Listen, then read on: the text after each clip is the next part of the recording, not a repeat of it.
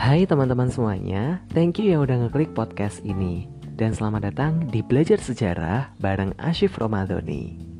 Nah teman-teman, kita di sini mungkin akan banyak berdiskusi Atau mungkin saya pengen share kepada teman-teman mengenai apa sih itu sejarah. Karena ada pepatah, katanya tak kenal maka tak sayang nih teman-teman. Nah, oleh karena itu, di sini saya harap teman-teman bisa mengenal apa sih itu sejarah. Karena Perlu teman-teman ketahui bahwa belajar sejarah itu sangat menyenangkan. Belajar sejarah itu seru banget. Mungkin ada yang beranggapan, alah sejarah itu nggak bisa move on dan lain sebagainya.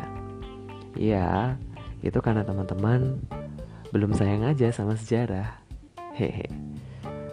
Mari kita belajar apa itu sejarah. Nah, teman-teman, di podcast ini, saya akan share beberapa segmen dan mungkin teman-teman akan bisa belajar mengenai apa itu sejarah menjadi beberapa sesi. Di segmen ini, aku pengen, aduh, tadi saya, sekarang aku. aduh, nggak senyamannya kita aja lah ya. Di sini aku akan share mengenai apa sih definisi sejarah pengertian sejarah itu apa sih? Dan mungkin di segmen-segmen selanjutnya aku bakal share mengenai ciri sejarah, lalu makna sejarah, hmm, lalu apa sih guna belajar sejarah, sama cara berpikir sejarah. Nah, kita di sini akan mempelajari mengenai definisi sejarah. Buat teman-teman semuanya yang belum kenal sejarah, apa sih itu sejarah? Apa sih sejarah iki? What is a history?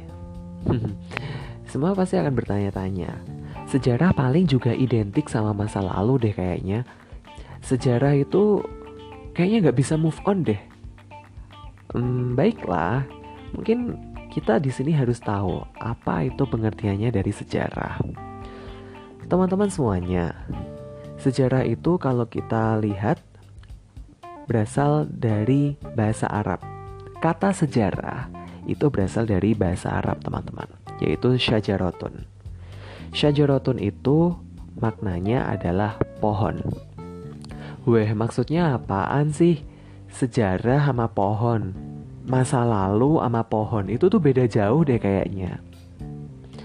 Um, kita mungkin harus mengibaratkan bahwa peristiwa yang terjadi di masa lalu itu pasti akan berkembang bahkan sampai masa depan. Nah, sama halnya sejarah. Sejarah itu diibaratkan seperti pohon. Pohon itu adalah peristiwa masa lalu.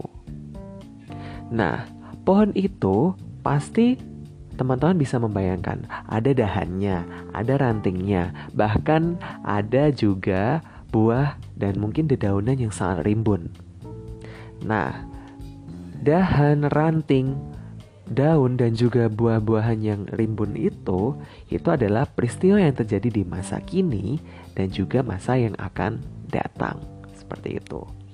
Nah, jadi kita bisa melihat bahwa Sejarah itu kenapa diibaratkan seperti pohon? Karena peristiwa sejarah yang telah terjadi di masa lalu itu akan berkembang di masa kini dan juga di masa yang akan datang. Di samping itu juga banyak sekali istilah-istilah dalam sejarah. Kalau dalam bahasa Inggris, sejarah itu ya history. Artinya masa lampau umat manusia. Kalau di bahasa Jerman, sejarah itu Geschichte. Geschichte. Itu ya sesuatu yang telah terjadi, sama halnya dengan bahasa Belanda.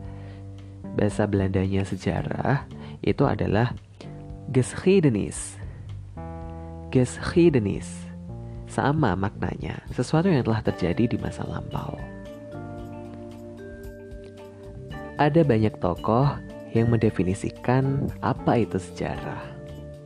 Saya di sini mengambil dari beberapa referensi yang mungkin untuk teman-teman semuanya bisa mempelajari referensi yang lain atau mungkin bisa mencari dari sumber-sumber yang lain. Pertama nih, ada pernyataan dari Jaspers, salah satu sejarawan dari Inggris. Jaspers mengungkapkan bahwa sejarah itu ya masa lalu. Cilah, kayak lagunya Inul Daratista aja nih ya. Masa lalu, biarlah masa lalu. Aduh, mah jadinya nyanyi malahan. Bener sih emang. Sejarah itu ya telah terjadi di masa lalu. In the past. Selain Jaspers ada juga Benedetto Croce. Benedetto Croce mengungkapkan bahwa sejarah itu ya proses interaksi yang berkelanjutan antara sejarawan atau yang membuat sejarah dengan fakta-faktanya. Sehingga apa? Sehingga ya sejarah itu seperti dialog yang tak henti atau tidak berkesudahan antara masa lalu, masa kini, dan masa yang akan datang. Hmm, iya sih, bener banget. Secara tidak langsung kita bisa melihat bahwa peristiwa sejarah itu mempengaruhi masa kini dan juga masa yang akan datang.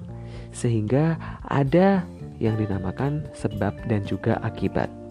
Nggak akan ada asap kalau nggak ada api. Seperti itu.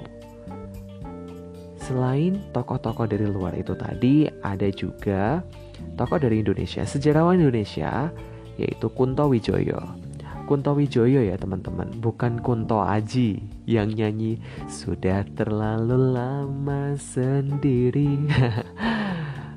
Ah, itu malah jadi nyanyi terus kita. Kalau Kuntawijoyo itu mengungkapkan bahwa sejarah itu adalah rekonstruksi masa lampau.